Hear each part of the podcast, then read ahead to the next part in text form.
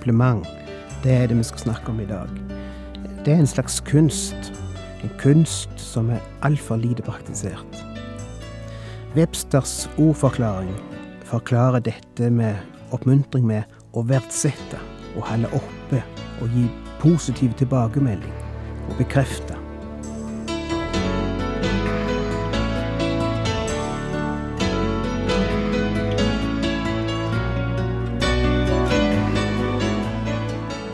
Hjertelig velkommen til et nytt program i serien Vindu mot livet.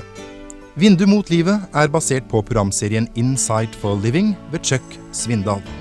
Programmet er produsert av Kristen Riksradio og blir ledet av Ola Bjoland.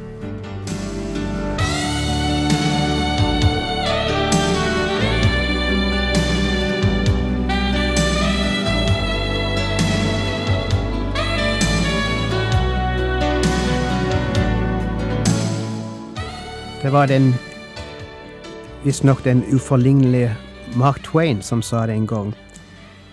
Jeg kan leve to måneder på et godt kompliment. Eller som en annen har sagt det en gang.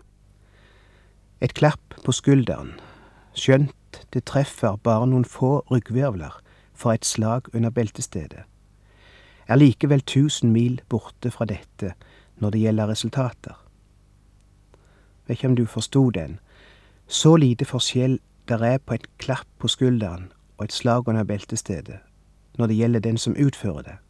Det koster omtrent det samme. Det krever omtrent den samme energi, den samme teknikk. Og det treffer to punkter på kroppen som ligger, ikke ligger langt ifra hverandre. Så er det likevel veldig forskjellig i virkning. Oppmuntring. Kompliment. Det er det vi skal snakke om i dag. Det er en slags kunst. En kunst som er såre nødvendig, men altfor lite praktisert. Og hvis du ikke vet hva et kompliment er, så forklarer Websters ordforklaring det slik. Å verdsette, å holde oppe, å gi positiv tilbakemelding, å stadfeste, å bekrefte. De fleste av oss er mye flinkere til å kritisere og finne feil enn vi er til å oppmuntre og gi komplimenter, ennå vi vet hvor viktig det er. Det ser ut som det er veldig vanskelig for mange av oss å praktisere dette, sjøl om vi er enige i det den store president Abraham Lincoln sa en gang. En dråpe honning fanger flere fluer enn en bøtte galle. Ser du det? Vi kan plassere ut ei bytte med galle, med gift, for å fange flue, for å luke bort det negative og vonde. Men faktisk gjør en dråpe søt honning en bedre jobb enn ei bytte med gift. Vi tror at det vonde alltid må bekjempes med vondt, men faktisk kan det gode bekjempe mye mer vondt. Og dette ble ytterligere stadfesta for meg da jeg las om et eksperiment som vart gjort i staten Wisconsin i USA, nabostaten til der jeg sjøl bodde i fem år.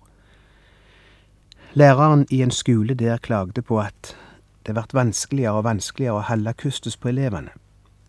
De var så fæle til å reise seg fra stolen sin og vandre rundt i klasserommet. Klarte ikke sigge stilt på pulten. Kvikksølv i baken, som sørlendingene sier. Det ble bestemt at det skulle gjøres et eksperiment i den klassen.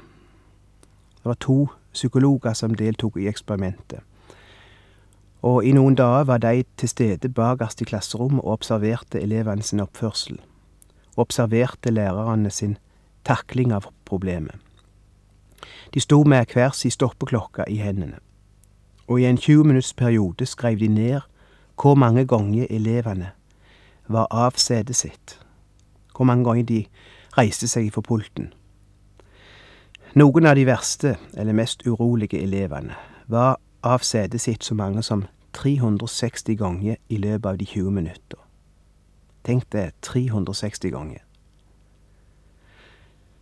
Jeg vet ikke hvor mange ganger det blir i minuttet, men det blir iallfall ikke mye tid igjen til å sige stilt. Men det var de verste. Andre satt stort sett stilt på stolene sine. Og gjennomsnittet i klassen var at elevene reiste seg fra plassen sin sju ganger i løpet av 20 minutter. Det var gjennomsnittet. Mens læreren med korte mellomrom ropte Sitt ned. Vær så snill og sitt ned. Så foreslo psykologene at læreren skulle øke intensiteten i sine befalinger til elevene om å sitte ned. At du skulle si det enda oftere, for å se hvordan det virka. De neste dagene skreik hun Sett ned 27 og en halv gang i løpet av 20 minutter i gjennomsnitt. Og det spennende spørsmål blei ville det forandre elevene sin oppførsel. Og det skal jeg si det gjorde. Til mer hun ropte sitt ned, til mer aukte antallet ganger de var avsetende. Det aukte med 50% Uroen aukte altså i takt med skjenningen. Og dette forsøket vart gjentatt flere ganger med samme resultat hver gang. Den siste veka prøvde de å gå den andre veien. Læreren vart bedt om å ikke rope sitt ned en eneste gang, men i plassen prøve å gi stille oppmuntringer og komplimenter til de som klarte å sigge rolig lengst.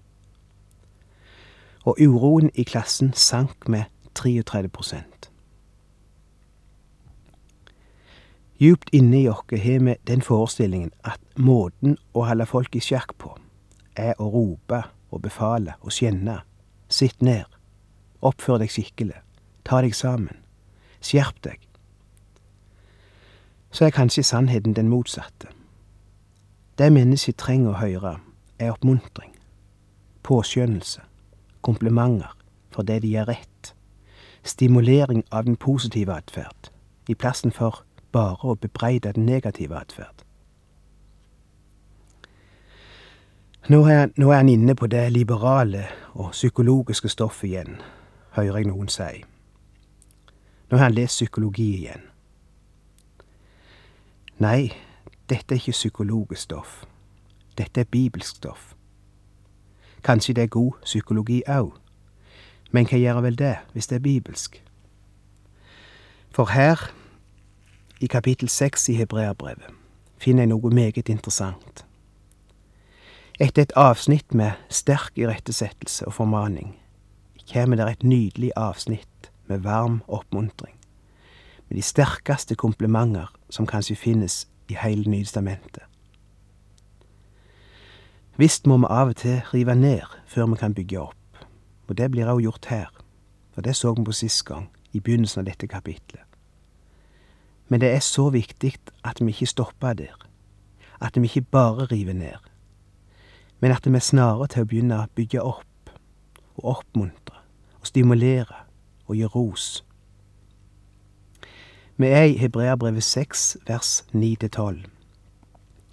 Men når det gjelder dere, kjære venner, er vi overbevist om at det står bedre til, og at dere er på frelsens vei, selv om vi taler som vi gjør. For Gud er ikke urettferdig, så han glemmer det dere har gjort, og den kjærligheten dere har vist Hans navn, ved å gi hjelp til de kristne, nå som før. Vi ønsker bare at hver og en av dere må være like ivrig etter å bevare håpets fulle visshet helt til slutt. Da må dere ikke være sløve, men ha dem til forbilde som på grunn av tro og utholdenhet får del i løftene Den tyske dikteren Goethe sa en gang Irettesettelse gjør godt. Oppmuntring gjør enda bedre. Oppmuntring etter irettesettelse er som sol etter en regnskur. Og nå har vi hatt en kraftig regnskur. Den kommer i vers 1-8. Det må sjå til å bli voksne, sier forfatteren. Det kan ikke leve på melk resten av livet. Det må begynne å leve det livet det har fått. Fordøye den maten det spiser. Og la den energi den inneholder, gi seg utslag i jobbing. For hvis du bare hører og lagrer masse kunnskap oppi hodet uten å leve av det, så korsfester det Guds sønn på ny, sier han. Det er sterke ord. Og noen hver begynner å lure. Er jeg blant deg? Er jeg en frafallen? Er jeg forherda? Har jeg mista trua? Men så begynner sola å skine, og det er vers ni til tolv. Men når det gjelder dere, kjære venner, er jeg overbevist om at det står bedre til. Og så finner han fram tegn som tyder på at de har begynt på den gode veien, at de er i gang, og at han oppmuntrer de til å fortsette. Jeg ser framgang, sier han. Så flott det du gjorde der, eller det du sa der. Det viser at Jesus virkelig har fått plass i deg. Fortsett med det. Gjør det igjen. Du er på vei. Det skal skje store ting med ditt liv. Gud kan bruke deg, bare du lar han få lov. Tenk om vi kunne bygge opp hverandre slik. Leide etter tegn på vekst, tegn på liv. Oppmuntre det, trekke det fram. Ingenting er som å få høre hvor andre ser frukt etter Guds ånd i våre liv. Ingenting er så inspirerende å høre som det. Ingenting skaper mer liv som det å få bekrefte at andre har sett frukt i oss. Det er så elementært, men det er så lett å glemme. Og det som er foreldre, ikke glem dette. Det som er lærere, eller ledere på en bedrift. Så mange ledere ser etter svakheter hos sine underordnede. Ser etter feil som de kan korrigere. Og kun det. De glemmer den andre, og minst like viktige, sida. Å sjå etter ting de kan oppmuntre og stimulere og gi ros for. Som en gammel arbeider sa, det er et gammelt amerikansk ordtak, faktisk. Twice I did well, and that I never heard. Once I did ill, and that I ever heard. Altså, de to tingene jeg gjorde rett, hører jeg aldri om. Men den ene tingen jeg gjorde feil, hører jeg alltid om. Forfatteren av hebreerbrevet gjør ikke den feilen. Men dere, kjære venner, sier han i vers 9. Det syder liksom av varme og vennlighet. Når det har fått sett hva dere frelse innebærer, og gir det rom i dere, så er jeg sikker på at det vil blomstre til et nydelig liv der inne. Og det vil bli mennesker som vil bety noe for andre. Jeg ser allerede tegn på det. Og Gud ser det. Gud har sett hva som er skjedd med dere. Fortsett på den veien. Det er atmosfæren som det kan gro og blomstre i, og fra, i våre liv. Jeg er helt overbevist. Ingen plass gror det og blomstrer det som i en atmosfære av oppmuntring og stadfestelse. Det gjelder i menigheten. Det gjelder på arbeidsplassen. Det gjelder på skolen. Og det gjelder i heimen. Chuck Swindal forteller i tilknytning til disse versene om en gang han var ute og kjørte med den ene gutten sin, som var akkurat i den alderen da han ikke klarte å sitte stilt i setet når de var ute og kjørte. Reiste seg opp og sette seg ned igjen, og reiste seg igjen og sette seg igjen. Til stor ergrelse for en stressa far som sitter ved rattet og ikke er hendene frie til å ta han og sette han ned. Og de kjørte forbi en gammel festning som fremdeles var i bruk til militære formål. Og det satt noen fryktinngytende soldater på vakt inni noen åpninger eller luker inni den muren, med sine svære stuvler og med maskingevær og hjelmer, og holdt vakt over plassen innenfor murene. Og gutten spurte, Pappa, hva er det for noe? Og han forteller, Jeg tenkte, dette er plassen til å gjøre et poeng av akkurat nå. Og jeg sa til gutten min, Kurt, det er en slik plass som en plasserer slike gutter som ikke er lydige mot foreldrene sine. Og gutten gled ned i setet og ble hvit i ansiktet mens han stirret på den fryktinngytende plassen der ute. Jeg kan fremdeles se for meg de store øynene hans som fulgte muren idet vi kjørte forbi. Og jeg snudde og kjørte tilbake samme veien en gang til, så han virkelig skulle få noe å tenke på. Og han spurte, Pappa, hvor mange, hvor mange ganger er gutter ulydige når de kommer hit? Og hvis en sier unnskyld, vil en da slippe å komme hit? Og stemmen hans brast, og han begynte å gråte. Og jeg stoppet bilen og bøyde meg mot ham og la armene mine rundt ham og drog ham helt inntil meg og sa, Gutten min, du vil aldri komme bak den muren. Og han sa, Lover du det, pappa? Og han gråt litt mer, og da vi ba aftenbønnen sammen den kvelden, snakket han med Gud om det som han hadde opplevd. Jeg glemmer det aldri. Jeg husker det som det hendte i går. Og jeg husker at han i sin bønn ba at Gud måtte hjelpe pappa til aldri å glemme det han hadde lovt. Og han har aldri vært bak den muren. Og jeg tror det jeg sa, var nettopp det som står i disse versene. Men når det gjelder deg, kjære venn, er jeg overbevist om at det står bedre til. Å, som vi trenger dette. Du ser, den fundamentale følelsen av selvtillit og sjølrespekt henger i den skjøre tråden av at andre viser oss tillit. Det er en tørst inni hver eneste en av oss, en tørst etter oppmuntring, etter å bli verdsatt, etter å bli vist tillit. Og jeg tror det virker tusen ganger mer positivt enn all verdens kritikk og irettesettelse. Visst trenger vi irettesettelse. Det viser òg de versene som står foran dette. Men irettesettelse bygger ikke opp. Det river kun ned ting som må rives ned, før noe kan bygges opp. Bare irettesettelse river bare ned. Det vokser ikke noe nytt der hvis det ikke oppfølges av oppmuntring og bekreftelse. Hva var det som gjorde at forfatteren kunne oppmuntre disse, og bekrefte at han så tydelig tegn på vekst og framgang og åndelig liv? Hva var det som gjorde at han hadde tru på dem, sjøl om han måtte bruke sterke advarsler imot noen av dem? Det var det han så. Han så noe de gjorde. Han så kjærlighet. Han så hva de hadde gjort for andre kristne. Som det står, for Gud er ikke urettferdig, så han glemmer det dere har gjort, og den kjærligheten dere har vist Hans navn ved å gi hjelp til de kristne.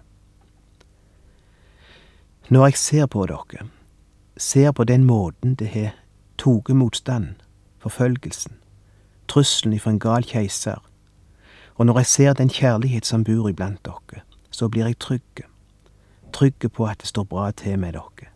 Jeg har tru på dere. Det er ei linje i det kjente skuespillet Julius Cæsar av William Shakespeare, der han setter fingeren på en stor menneskelig sannhet. Det er Brutus som snakker, og han sier Venner, romere, landsmenn, lån meg deres ører. Kom og begrav Cæsar, ikke for å hylle ham. Og han legger til, det vonde som mennesker gjør, lever etter dem. Det gode blir ofte begravd med benene. Hva er det vi husker etter folk? Vi husker ofte det vonde. Det lever etter de. Du ser et navn, og du husker ei mørk side ved det navnet. Og det er dessverre så ofte tilfellet òg når vi ser på våre barn. Vi ser det negative kun, det de gjør galt. Iallfall er det vi snakker med de om. Hvorfor ikke snakke mer om det de gjør rett? Jeg skulle en gang tale til noen predikanter og misjonærer. Jeg spurte han som ba meg komme og preike, hva skal jeg si til dem, hva skal jeg snakke om? Og han svarte, oppmuntre dem. gi dem oppmuntring, bring oppmuntring. De tørster etter noe som kan oppmuntre og gi mot og styrke. Snakk om deres tjeneste og hva den betyr for Guds rike og for verden. Snakk om, om hvor mye de betyr. Det er det de trenger å høre.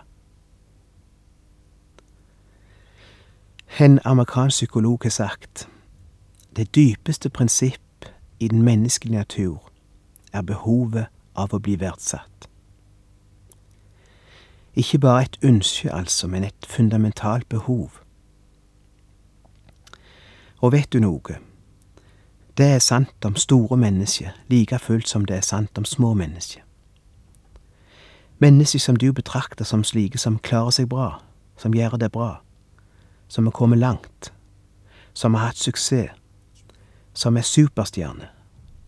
Vet du, de fleste av de, av de trenger også oppmuntring, jeg oppdaga. Noen av de trenger det mer enn noen andre, fordi folk kommer ikke på at de trenger å bli oppmuntra, og derfor får de kanskje aldri oppmuntring. Det skrik inni de etter å få høre noen oppmuntrende ord ifra noen. Jeg har møtt noen slike i det siste. De har like stort behov for et kompliment som noen andre. Tenk det. Læreren din trenger det. Sjefen din trenger det kanskje. Foreldrene dine trenger det. Presten din trenger det. Legen din trenger det kanskje. Lederen for den organisasjonen du tilhører. Gi dem noen gode ord. Si det til dem, det du er takknemlig for ved deres liv eller ved deres tjeneste. Si det. Ingen plass kan det være så ensomt som på toppene. Og de små trenger det, det vil si de som ikke viser så mye igjen, de som ikke er i rampelyset. Ja, vi trenger ikke dele opp folk slik, på den måten. Faktum er alle trenger det. Hver eneste en trenger det. Og noen du vil komme til å møte i dag, eller i morgen, trenger det. Ikke sjå etter feila. Du trenger ikke leite etter de, forresten, for de er som regel nokså åpenlyse og synlige. Leit etter det gode. Leit etter noe du kan oppmuntre. Det er det forfatteren av hebreerbrevet gjør her, etter at han er formant de og irettesatt de. Han skunder seg til å gjøre seg ferdig med den sida, for det er noe han heller vil, nemlig oppmuntre. Og Neste gang skal vi se mer på disse versene i hebreerbrevet, for vi har ikke sagt alt om dem ennå.